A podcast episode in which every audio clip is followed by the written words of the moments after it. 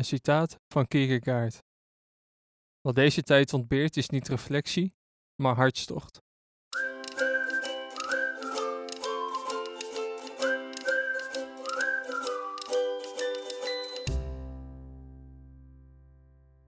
Welkom, leuk dat je luistert naar deze tiende aflevering van de Wereld aan Literatuur, een podcast over wereldliteratuur.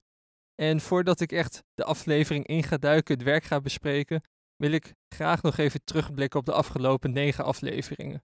Ik vond het heel leuk om te doen. Ik heb heel veel verschillende werken besproken. En ik heb daarmee denk ik een goede start gemaakt. Ik dacht van, nou ja, als ik een podcast begin, is het goed om direct heel veel afleveringen te uploaden. Dan krijg je wat sneller een naamse bekendheid.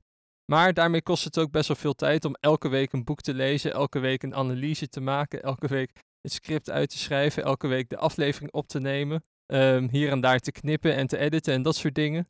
Dus het kost me al met al best wel veel tijd elke week. En ik moet hiernaast moet ik natuurlijk ook gewoon nog studeren en schrijven. En, of nou ja, natuurlijk, ik schrijf graag in mijn vrije tijd. Ik, ik ben van plan om binnen een paar jaar ook een boek af te hebben. Dus daar heb ik ook wel wat tijd voor nodig.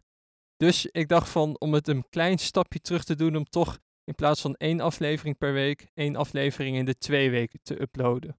Dus nou ja, dat is wel een beetje jammer, want uh, dan heb ik niet elke week meer een aflevering. Maar aan de andere kant biedt het ook weer nieuwe mogelijkheden, want nu moest ik elke keer best wel korte werken bespreken, want ik had niet echt de tijd om elke week dan bijvoorbeeld een Dostoevsky of een Tolstoy te lezen. Ja, misschien had ik wel een paar dunne werken van hun kunnen lezen, maar uh, niet de misdaad en straf bijvoorbeeld of oorlog en vrede. Ja, die zijn natuurlijk veel te dik om in een week te lezen.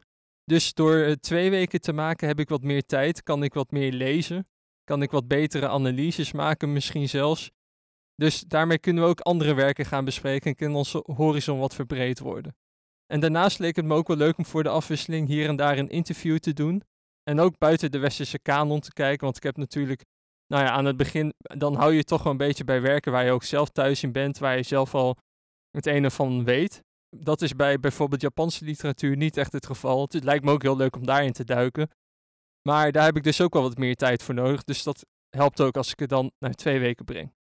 Um, de interviews trouwens, wat ik kort even had gezegd. Uh, het lijkt me leuk om ook schrijvers en klassici zelf uit te nodigen om hun blik op wereldliteratuur, over het algemeen menselijk en dat soort dingen te bespreken. Ik heb voor de volgende aflevering ook een interview gepland staan. Dus, nou ja, dan beginnen we al direct met een soort van nieuwe manier van uploaden. Mocht je nu denken van ja, ach, dat is ontzettend jammer. Ik had graag elke week iets willen luisteren. Ik vond het zo leuk. Um, nou ja, wees niet getreurd, want er komt een speciale Kiergaard spin-off op mijn Vriend van de Show pagina. Dus dat betekent dat ik daar elke twee weken, dus in de week dat ik niet op deze podcast upload, de normale podcast zeg maar op Spotify upload, upload ik een aflevering op mijn Vriend van de Show pagina over een van de werken van Kierkegaard. En ik weet nog niet precies hoeveel afleveringen dat zullen zijn, maar ik denk een stuk of vijf.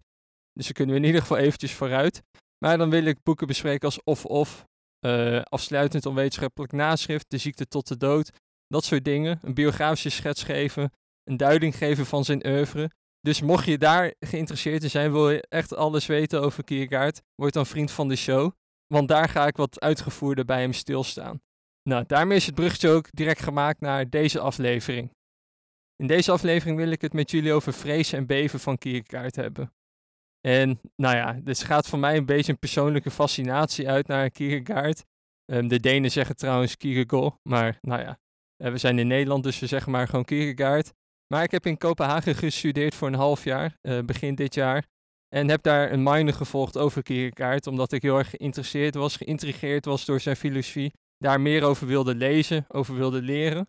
Dus toen ben ik naar Kopenhagen gegaan en het is heel leuk als je daar dan rondloopt en je leest ook terwijl je daar bent uh, zijn werken, dan herken je allemaal dingen. Je ziet straatnamen terugkomen, je ziet plekken terugkomen. Ik ben ook naar verschillende plekken in Kopenhagen geweest, heb daar op dezelfde plek gelezen als waar het in de tekst ook over gaat.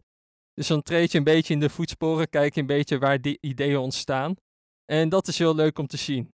Dus nou ja, ik kon zelf eigenlijk niet in deze podcast over wereldliteratuur Kierkegaard onbesproken laten, omdat ik daardoor gegrepen ben, daar heel veel van heb opgestoken. Dus ik dacht van, nou ja, ik moet hem wel een keer bespreken. Laat ik het dan maar in de tiende aflevering doen. Een klein jubileum afleveringetje. En ook direct een bruggetje naar die Kierkegaard spin-off voor mijn vriend van de show pagina. Je kunt je natuurlijk afvragen van ja, je gaat het dan over Kierkegaard hebben. Dat is dan een persoonlijke fascinatie, maar hoort dat dan wel tot de wereldliteratuur? Nou, het is best wel interessant, want Kierkegaard die schrijft in veel van zijn werken dat hij niet in de idealiteit is geïnteresseerd, maar in de realiteit. En de realiteit is volgens hem dat, en dan citeer ik een stukje uit Vrees en Beven, wat heel goed denk ik weergeeft van hoe hij hiermee omgaat en welke uitdagingen hij in het mensenleven ziet. Wat de ene generatie ook van de andere leren mag, geen enkele generatie leert het eigenlijk humane van een voorgaande. Geen enkele generatie heeft bijvoorbeeld van de ander geleerd om lief te hebben. Geen enkele generatie zal op een ander punt kunnen beginnen dan bij het begin. Einde citaat. Dus wat hij in elk van zijn werken probeert te doen, is te laten zien dat de mens in ieder leven toch weer voor dezelfde uitdagingen staat. Dat we moeten liefhebben bijvoorbeeld, dat dat voor ieder mens persoonlijk weer een nieuwe uitdaging is. En Kierkegaard probeert zijn lezers in die zoektocht te begeleiden. En we hebben in de afgelopen afleveringen best wel vaak momenten van herkenning gehad. Dat we dachten van bijvoorbeeld bij de aflevering over Ovidius, minnekunst, van hé, hey, dat beminnen gaat vandaag de dag nog steeds op deze manier. En je kan je dan afvragen van ja, hoe kan dat eigenlijk dat er zoveel herkenning is? Dit citaat werpt daar al een licht op, want hier staat dat we eigenlijk dezelfde uitdagingen in dit leven hebben. Dus de uitdaging die mensen 2000 jaar geleden hadden, is het dezelfde uitdaging die wij vandaag de dag nog steeds hebben. Ondanks dat er misschien allemaal wetenschappelijke ontwikkelingen hebben plaatsgevonden, technologische ontwikkelingen hebben plaatsgevonden, toch hebben wij dezelfde uitdaging van de hartstocht, zoals Kierkegaard dat noemt. Het liefhebben, het hopen, het misschien angstig zijn. Dat soort dingen, dat zijn zaken van het hart. En die zaken zijn algemeen menselijk. Dus precies in deze uitdaging is Kierkegaard geïnteresseerd. Hij probeert een blik in onze ziel te werpen. Uh, hij liep in zijn tijd ook een beetje rond in Kopenhagen. Als een soort van uh, observator keek hij naar allemaal mensen en probeerde hij daar ook verschillende gemoedstoestanden uit te destilleren. Maar dat is wat hij in zijn werken doet. En dat zie je bij uitstek ook terugkomen bij een boek als Vrees en Beven. En het komt dan niet voor op de lijst van de Noorse boekenclubs, maar het komt wel op andere lijstjes voor. Het komt bijvoorbeeld voor op de Great Books of the Western World, wat is uitgegeven als een soort van verzameling van de beste of grootste boeken uit de westerse geschiedenis. Um, en je ziet het ook terugkomen, andere werken van hem, bijvoorbeeld Of Of uh, in het Deens Enten Eller. Dat komt dan terug in de Zeitbibliotheek der 100 Bücher um, van de Zeit. En nou ja, je ziet dus Kierkegaard op verschillende plekken wel terugkomen. Waarom heb ik dan voor Vrees en Beven gekozen en niet voor Of Of? Nou ja, omdat het mij wel interessant leek om vandaag stil te staan bij het fenomeen religie. Want religie heeft doorheen de eeuwen natuurlijk een bizar grote rol gespeeld. Als je kijkt naar de wereldgeschiedenis, zie je dat het nauw samenhangt met religieuze ontwikkelingen. Dan moeten we haast wel in deze podcast over wereldliteratuur, waar we het algemeen menselijke te sprake willen brengen, een keer over religie praten. Maar als we dan hierover willen praten, moeten we onszelf ook direct een vraag stellen. Want wat betekent het precies om religieus te zijn? Of om het nog wat beter te zeggen, wat betekent het precies om te geloven? En deze vraag staat in Vrees en Beven centraal en daarmee ook in deze aflevering.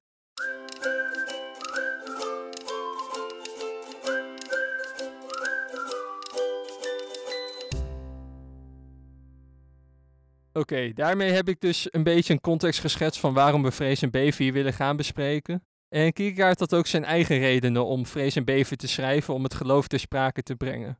Want voor hem had je Kant en Hegel, dat zijn dan twee Duitse filosofen. Die hebben het ook over geloof gehad, die hebben over religie nagedacht. En die schakelden toch op een, een of andere manier gelijk aan ethiek. Dus dat geloven in de eerste plaats, religie in de eerste plaats gaat om het juist handelen in deze wereld. Maar Kierkegaards reactie daarop was van ja, uh, dat is niet helemaal waar. Want hij wilde het ethische en religieuze gescheiden van elkaar houden. Omdat hij dacht, en dat zien we in verschillende werken van zijn oeuvre, dat deze twee dingen compleet iets anders zijn. En in Vrees en Beven zien we dat expliciet naar voren komen. Hier wordt gebruik gemaakt van het verhaal van Abraham, die heel oud was geworden. God had beloofd dat hij een zoon zou krijgen, maar kreeg hem maar niet. Uiteindelijk kreeg hij hem wel, Isaac. En dan in Genesis 22, dan lezen we het volgende en dan wordt Abraham op een hele rare manier, gekke manier, wordt hij opeens opgeroepen. Het gebeurde na deze dingen dat God Abraham op de proef stelde. Hij zei tegen hem, Abraham, hij zei, dus Abraham zei, zie, hier ben ik. Hij, God dus, zei, neem toch uw zoon, uw enige, die u lief hebt, Isaac, ga naar het land Moria en offer hem daar als brandoffer op een van de bergen die ik u noemen zal. Einde citaat. Dus als we dit dan lezen, denken van hoe kan een God zoiets vragen? Is dat geen verschrikkelijke vraag? Dat, dat Abraham zijn enige zoon moet opofferen hier voor God?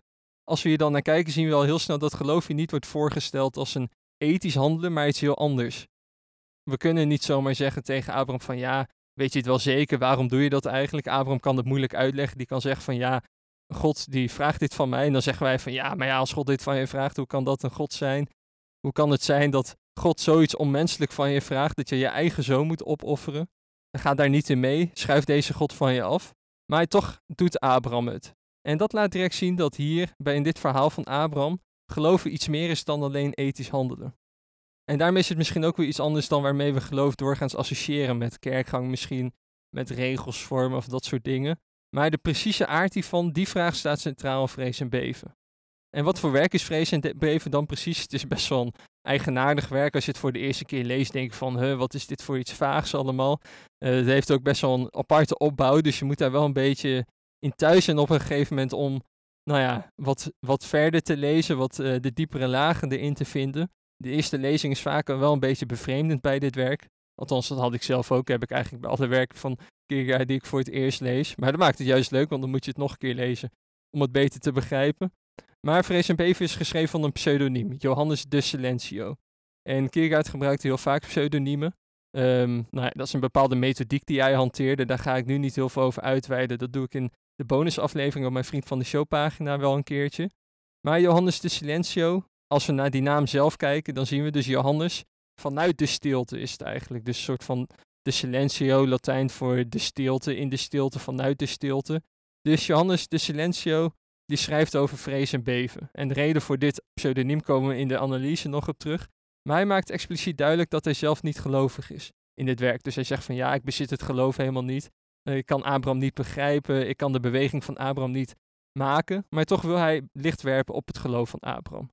En dat doet hij dus door middel van vrees en beven. Nou, er zit natuurlijk wel iemand achter dit verhaal. Dat is Kierkegaard zelf, die deze pseudoniem gebruikt. Wie is Kierkegaard dan precies? Eh, ik heb al een beetje gezegd in de inleiding, maar het is een vrij eigenaardige Deense filosoof. Uh, geboren in 1813, gestorven in 1855. En ondanks dat ik inderdaad in de bonusaflevering stilsta bij de pseudonimiteit een aparte en een biografische schets geef, wil ik hier toch nog wel kort benoemen wat Kierkegaard dan zo fascinerend maakt. Ik heb het al kort gezegd dat als je in Kopenhagen rondloopt, dat je dan allemaal dingen tegenkomt die ook in zijn werken tegenkomt. Maar het is heel duidelijk dat hij leeft in zijn werk. Dus de vragen die hij hier zichzelf stelt, zijn altijd vragen die hem ook persoonlijk heel erg hebben bezighouden. De vraag naar het wezen van het geloof, naar de angst, uh, zoals in het begrip angst, naar ironie. Allemaal dat soort vragen die hij zichzelf gesteld heeft en die hij door middel van pseudoniemen heeft proberen te benaderen. En dat is ook wel wat anderen in hem bewonderen. Je ziet het in de geschiedenis van de filosofie van in de 20e eeuw zie je eigenlijk ontzettend veel namen die door Kierkegaard geïnspireerd zijn, hem gelezen hebben, op hem gereageerd hebben. Um, Wittgenstein zegt zelfs over Kierkegaard dat hij de meest diepgaande denker van de 19e eeuw was. Dus nou ja, dat zegt al wat over wat andere filosofen over Kierkegaard hebben gezegd. Maar je ziet hem terugkomen dus bij Wittgenstein, bij Rilke, maar ook bij Heidegger, bij Sartre, bij Camus, bij de Beauvoir, bij Foucault, bij Marcel, Derrida, Levinas, Buber, Jaspers, Kafka, Hesse, Frankel. Dus ook al namen trouwens die ik al een beetje besproken heb in deze podcast af en toe. Maar je ziet dus elke keer dat Kierkegaard vele denkers geïnspireerd heeft. Oké, het is best wel lastig om zo'n aflevering over Kierkegaard te maken natuurlijk, want er zitten allemaal dingen zweven in mijn hoofd, uh, terwijl ik ook over aan het praten ben, omdat ik dan weer denk van ja, dit en dat en zus en zo. Uh, maar ik probeer niet al te veel nuances aan te brengen, want dan zijn we nog een uur langer bezig. dus uh, nou ja, laten we maar vooral snel doorgaan op de inhoud van het werk.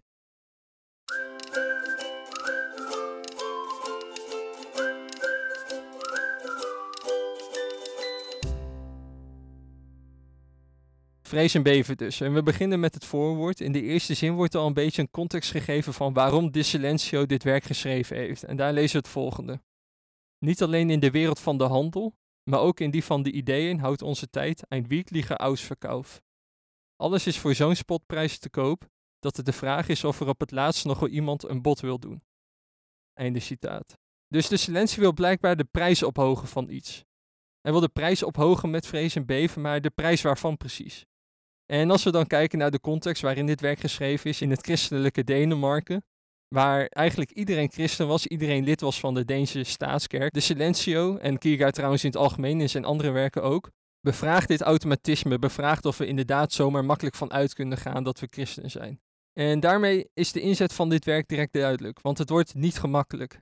Hij wil de prijs ophogen, dus dat geeft al aan van, nou ja, dat wordt een uitdagend stukje. en dat is ook precies wat vrees en beven is. Uh, wat volgt, en dan hebben we een beetje de opzet van het werk voor ogen. Dan volgt er na het voorwoord volgt er een stemming. En in de stemming moeten we denken aan een orkest. Die, wanneer ze een symfonie bijvoorbeeld gaan spelen, dat ze dan gaan stemmen en kijken van ja, zijn de noten precies goed? Zijn de instrumenten goed afgesteld? Dus de stemming is hier als een soort van voorbereiding op het werk wat gaat komen. En wat we hier zien is dat er verschillende pogingen worden gedaan om Abraham te begrijpen, maar dat de slotconclusie elke keer is dat we Abraham niet kunnen begrijpen. Dus aan het eind van de stemming lezen we ook het volgende. Er was toch niemand zo groot als Abraham.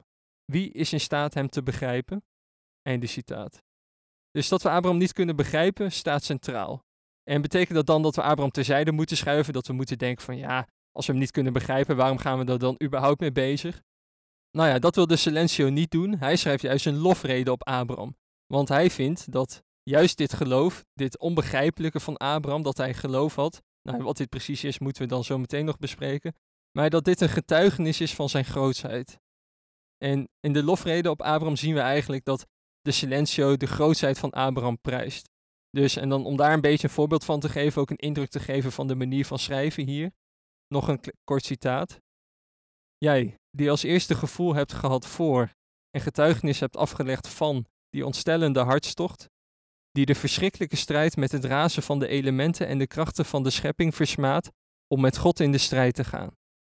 Einde citaat. Dus de vraag is, wat is dan deze beweging, deze hartstocht van het geloof precies? En de Silencio legt het offer van Isaac, of in ieder geval de bereidheid van Abraham om Isaac te offeren, uit als iets dat Abraham in die bereidheid al het aardse opgeeft, dat hij daarmee alles loslaat, dat hij elke verbinding met de werkelijkheid doorsnijdt, maar tegelijkertijd erop vertrouwt dat hij dit in alle facetten weer terug ontvangt. Dus hij geeft Isaac op ten einde hem weer te ontvangen. Dus dat is een hele rare paradox. Als je daar dan over nadenkt, denk ik van, hoe kan iemand dat geloven? Hoe kan je dat? Nou ja, je kan dat niet denken, want als je dat denkt, dan is het duidelijk in tegenspraak met elkaar. Dus het gaat aan het denken voorbij. Maar hoe kan je dat dan geloven? Dat je wanneer je iets opgeeft, dat je het tegelijkertijd weer ontvangt. En dit is precies de paradox waar de Silencio bij stil wil staan. Hoe kan het zijn dat Abraham weet dat hij Isaac opgeeft, maar tegelijkertijd gelooft dat hij Isaac weer ontvangt? Dus dan lezen we om daar nog een kort voorbeeld van te geven, het volgende. Hij geloofde dat God Isaac niet van hem zou eisen, terwijl hij toch bereid was om hem te offeren als dat verlangd zou worden. Hij geloofde krachtens het absurde, want van menselijke berekening kon geen sprake zijn. Hij besteeg de berg en zelfs op het ogenblik dat het mes flikkerde geloofde hij dat God Isaac niet zou opeisen. Citaat. Dus wat is dan het geloof wat Abraham hier heeft? Hij gelooft krachtens het absurde. En wat is dan niet absurde? Het absurde bij Kierkegaard is het datgene wat het verstand niet kan vatten. Dat wat het verstand volledig te boven gaat. Hij gebruikt dan het woord mediëren, uh, wat is een moeilijk woord eigenlijk voor doordringen als het ware. Wat nou, komt van Hegel, Duits filosoof, waar hij zich veelvuldig tegen afzet. Maar hij laat dus zien, we kunnen uh, het absurde, de absurditeit van Abrahams geloof niet doordenken. We kunnen het niet oplossen door heel goed na te denken, want elke keer als we die poging wagen, stuiten op de paradox, op een muur, waar we niet overheen kunnen denken. En het enige wat Abraham hier kan bevrijden in dit offer van Isaac, is het absurde. Is het feit dat toch voor God alles mogelijk is, blijkbaar, ook al of het Abraham Isaac wel, dat God op een een of andere absurde manier Isaac niet zou opeisen, maar zou teruggeven. En hij erkent, dit citeer ik trouwens weer, dus de onmogelijkheid en op hetzelfde ogenblik gelooft hij het absurde. Einde citaat. En daarmee is geloof een ontstellende paradox en kunnen we Abraham niet begrijpen. De moeilijkheid ligt er namelijk in om je verstand en de menselijke berekening op te schorten, te geloven in het absurde en dan alles weer te ontvangen. En deze houding, dat wij als mens, als enkeling, als enkel persoon, in een verhouding tot God kunnen staan, dat God van ons iets kan vragen, dat wij daartoe bereid kunnen zijn, ondanks dat we alles wat we menselijk kunnen denken daar tegenspreekt, dat werpt allemaal verschillende vragen op. Want dat is natuurlijk best wel moeilijk als je daarover nadenkt van, kan dat het geloof zijn? Dat werpt drie vragen op. In ieder geval, nou ja, de Silencio bespreekt er in ieder geval drie. En die drie vragen worden niet beantwoord. Ze worden heel uitvoerig uitgewerkt in het boek. Maar het interessante is dat ze nooit echt een definitief antwoord krijgen. En dat dat de Silencio ze openlaat. Maar de vragen zijn de volgende. Dat zijn er dan drie. Ehm, en ik zal kort even uitleggen wat er precies mee bedoeld wordt. De eerste vraag is: bestaat er een teleologische suspensie van het ethische? En dat betekent van kunnen we doelmatig het ethische voor even opschorten, voor even negeren, om nou ja, iets te doen wat God van ons vraagt, wat Abraham dus precies doet. Hij negeert al zijn ethische verplichtingen, namelijk dat hij van zijn zoon moet houden, omdat God iets anders van hem gevraagd heeft. Dus is het mogelijk dat wij doelmatig het ethische opschorten voor ons geloof? Dan komt er een tweede vraag. Bestaat er een absolute plicht tegenover God? Dus moeten we alle plichten die we verder hebben terzijde schuiven, omdat we een absolute plicht tegenover God hebben? En de derde vraag.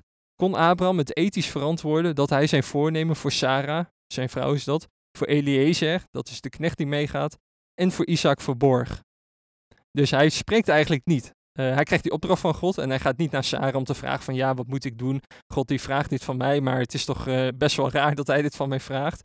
Nee, hij kan zich niet uitspreken, hij kan zich niet in het algemene uitdrukken, zegt de Silencio. Omdat dit geloof zich juist niet laat denken en een verhouding tussen de enkeling en God betreft, die niet in woorden kan worden gevat, niet in woorden kan worden uitgedrukt.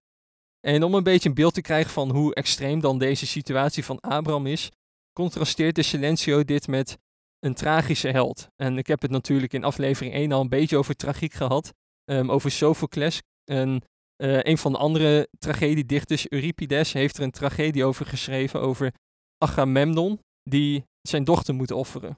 Want nou ja, hij, hij, is met schepen Griekse vloot is aangemeerd, maar de wind wordt tegengehouden door Artemis. En Artemis eist van hem van ja, je moet je dochter Iphigenia opofferen. En Agamemnon is daar wel toe bereid, want als hij dat doet, ja tuurlijk, het is heel tragisch. Tragischer kan het haast niet. Het werkt natuurlijk allemaal tranen bij ons op, net als het lot van Oedipus. Um, maar we kunnen aan de andere kant wel verklaren waarom hij daartoe bereid is. Want hij kan daarmee dus zijn vloot redden, zijn mannen redden. Dus het is een soort van methodische opoffering die we binnen het ethische kunnen verklaren. We kunnen begrijpen dat Agamemnon dit doet. Ook al is het inderdaad vreselijk om zijn dochter op te offeren. Maar ze kunnen zijn bereidheid onder woorden brengen, zijn beweegredenen onder woorden brengen, uitleggen waarom zijn offer gerechtvaardigd is. Maar bij Abraham kan dit alles niet. We kunnen dit niet begrijpen waarom hij hiertoe bereid is. Het is niet alsof hier iemand gered mee kan worden, maar het is dat God dit van hem vraagt. En, en zijn lot roept ook niet echt tranen bij ons op. Als we kijken naar het val van Iphigenia in Aulis, zoals die tragedie dan heet, dan worden we natuurlijk door tranen beroerd, verdrietig en leven mee met het lot. Maar dat is bij Abraham niet wat ons overvalt. Dat is eerder een idee van verschrikking, van angst, van vrees en beven. En daarom schrijft de Silencio ook het volgende, wat in wezen het dilemma is wat voortdurend in dit werk centraal staat. En dan citeer ik: Daarom is Abraham op geen enkel ogenblik een tragische held, maar iets heel anders. Een moordenaar of een gelovige. Einde citaat.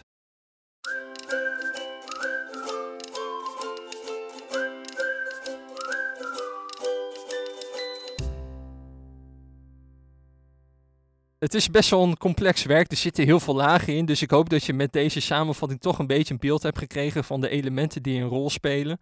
Er zitten natuurlijk best wel veel filosofische ideeën in. Dus het is nu wel wat moeilijker te volgen misschien dan een verhaal over Kafka of iets dergelijks. Maar ik hoop dat je het een beetje gevolgd hebt.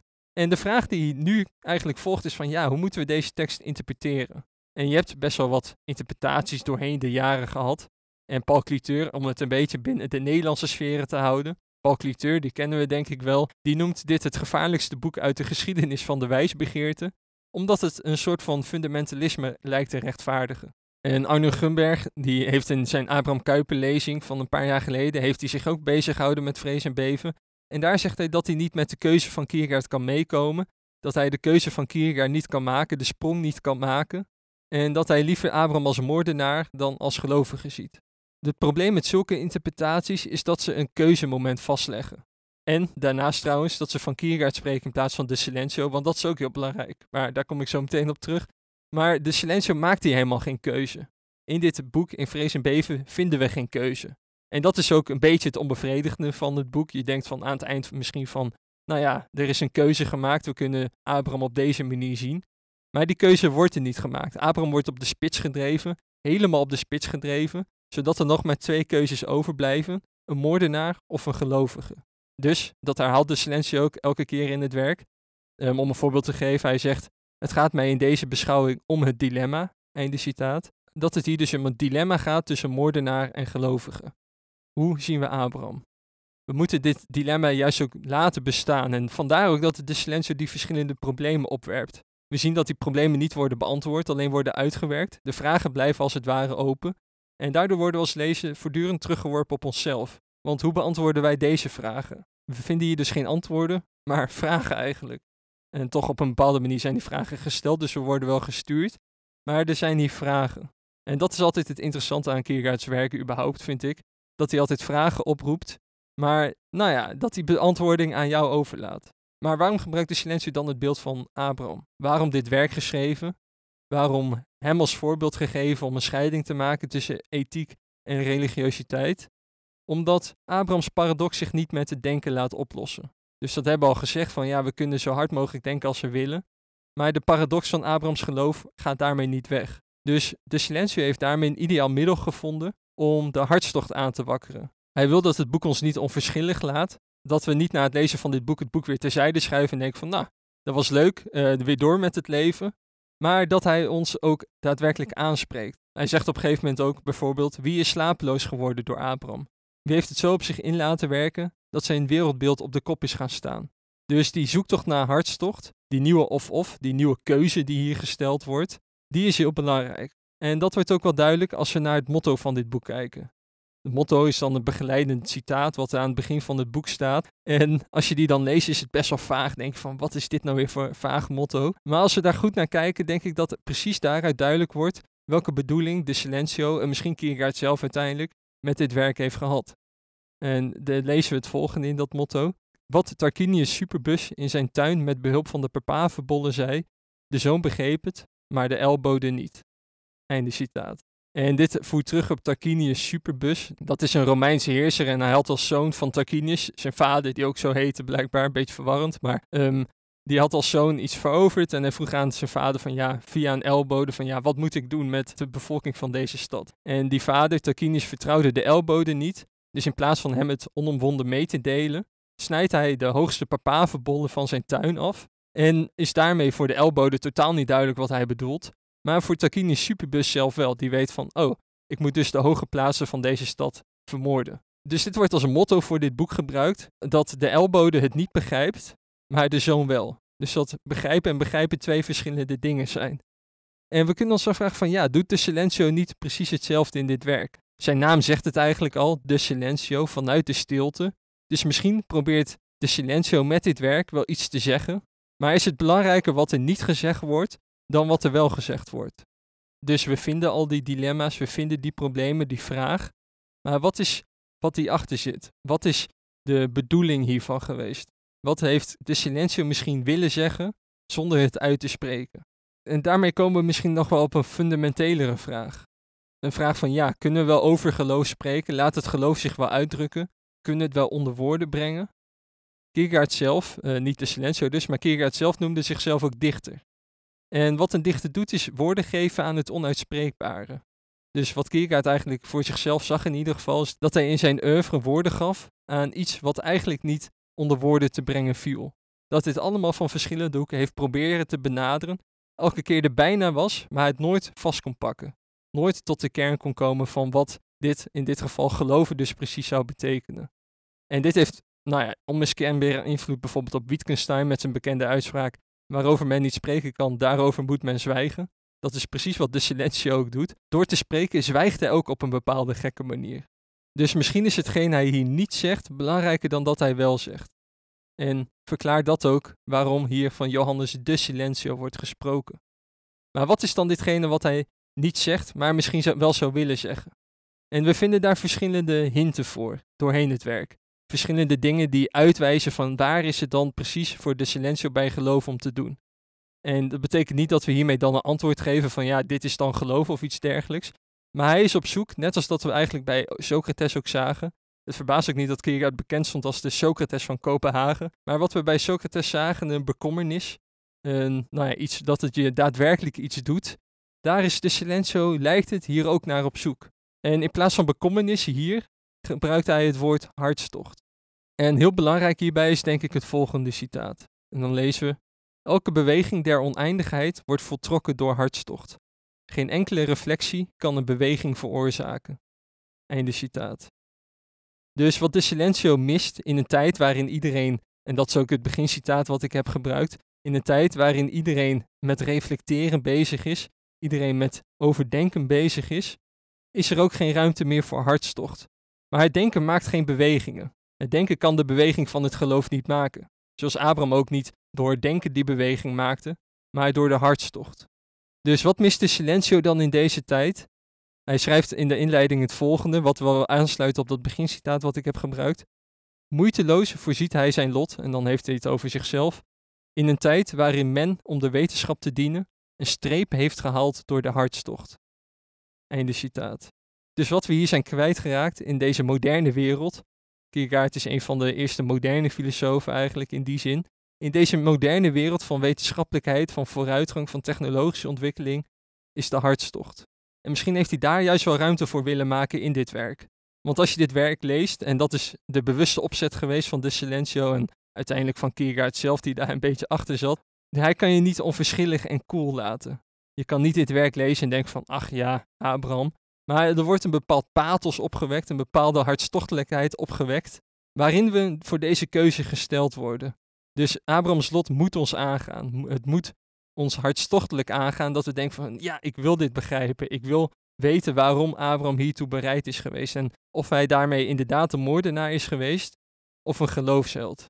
En daarmee wordt ons beeld van geloof ook misschien wel een beetje gecorrigeerd. Want misschien denken we aan geloven iets van ja, iets wat uh, met een toekomstig leven te maken heeft. Met iets van in de hemel geloven of in een God geloven of iets dergelijks. Maar bij Silencio is dit niet waar geloof om gaat. Geloof is niet het opgeven van de werkelijkheid om in een andere nieuwe werkelijkheid te leven als het ware. Maar is op een andere manier terugkeren naar de huidige werkelijkheid. En dat zien we ook bij Abraham. Uh, hij geeft Isaac op, maar juist in dat opgeven verkrijgt hij Isaac. Dat is het absurde natuurlijk. Maar juist daardoor keert hij weer terug naar deze wereld. En de Silencio heeft het dan over de geloofsheld die dan in deze wereld loopt, die gewoon een kantoormedewerker is. Hij ziet eigenlijk helemaal niet, en in het uiterlijke kun je in ieder geval niet zien dat hij als gelovige door het leven gaat. Maar toch ligt er een andere hartstocht aan de grondslag. Dus wat de Silencio niet wil, is dat we in kloosters gaan, het wereldse leven opgeven, maar geloven voor dit leven. En daar zegt hij het volgende. Maar Abraham geloofde en hij geloofde voor dit leven. Want als hij alleen maar voor een toekomstig leven had geloofd, dan had hij alles wel gemakkelijker van zich afgeworpen om weg te vluchten uit deze wereld waarin hij niet thuis hoorde. Maar Abrahams geloof was niet van dien aard, als er al zo'n geloof bestaat. Einde citaat. Dus wat we hier zien, is dat Abrahams geloof een geloof van hartstocht is geweest, wat volgens de Silencio dan de hoogste hartstocht in de mens is.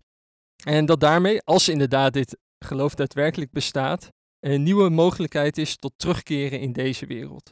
Maar een hartstochtelijk, een liefdevol terugkeren. Nou ja, dat is in ieder geval een beetje het beeld wat de Silencio hier geeft in Vrees en Beven, wat Kierkegaard er misschien impliciet mee bedoeld heeft. Er zijn allemaal andere absurde aspecten aan het verhaal. Allemaal verschrikkelijke aspecten ook wel, waarvan je zou kunnen denken van ja, hoe ga ik hier precies mee om? Maar door uit te werken van welke hartstocht hier de Silencio centraal heeft willen stellen, wil ik die keuze juist ook openlaten. Wil ik je ook aanmoedigen om hartstochtelijk je vast te bijten als het ware in dit probleem, in dit probleem van Abraham, en de keuze aan jou te laten. Dus laten we snel doorgaan naar de afsluiting, voordat ik hier weer allemaal nieuwe dingen over ga zeggen en weer bedenk van, ah ja, dit had ik ook nog wel kunnen zeggen. Um, om deze hartstocht ook uiteindelijk centraal te stellen.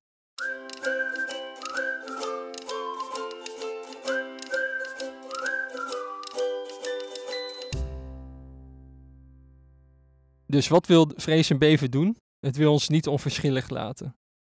En natuurlijk kunnen we er kritisch zijn op de interpretatie die hier gegeven wordt op Abrahams verhaal. Misschien kunnen we wel een andere interpretatie geven. Misschien denk je van ja, uh, wat moet ik hier precies mee? Ik weet eigenlijk ook helemaal niet wat gelovig zijn mij precies zegt. Um, allemaal dat soort vragen kan je hebben bij het luisteren van deze aflevering. Maar dat weerhoudt ons er niet van om de volgende vraag aan onszelf te stellen. En poging te doen op deze vraag te beantwoorden of hier in ieder geval mee bezig te gaan. En de vraag luidt als volgt: Wie is Abraham?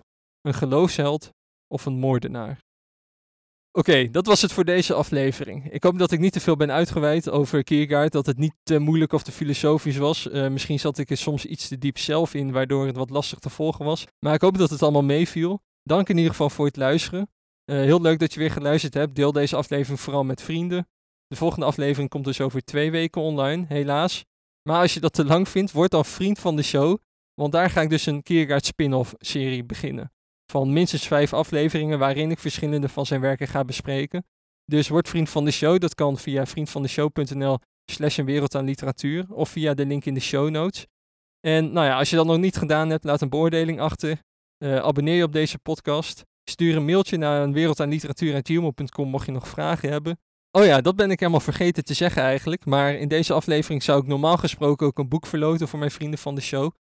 Maar dat heb ik niet gedaan omdat ik er een verrassing heb voor een van de volgende afleveringen waarin ik een gesigneerd boek heb. Dus uh, nog even geduld. Uh, dus als je nu vriend van de show wordt, heb je ook nog kans op dat je dat gesigneerd boek wint. Dus bedankt voor het luisteren voor nu en tot de volgende aflevering. Oeps, tijdens het editen van deze aflevering kwam ik erachter dat ik vergeten was de bronverwijzing te doen en te zeggen welk boek ik heb gebruikt in deze podcast, welke editie ik heb gebruikt. Dus bij deze nog correctie daarvoor. Uh, ik heb dus Vrees en Beven gebruikt, geschreven door Johannes de Silencio, uh, pseudoniem dus van Kierkegaard, vertaald door Andries Visser, uitgegeven bij uitgeverij Damon te Eindhoven in 2006 en is een van de eerste werken in de Kierkegaard-reeks. En ze hebben bij Damon een hele reeks uh, gepubliceerd. Um, over enkele maanden verschijnt Of Of als een van de laatste delen van deze reeks. Maar ze hebben dus in, uh, nou ja, sinds 2006 een hoop verschillende werken van hem gepubliceerd in prachtige uitgaven en edities. Dus zeker de moeite waard om daar een keer naar te kijken. Dus uh, de Kierkegaard-reeks van uitgeverij Damon en Prezen Beef is daar dus één van. En die heb ik van deze aflevering gebruikt. Oké, tot de volgende aflevering.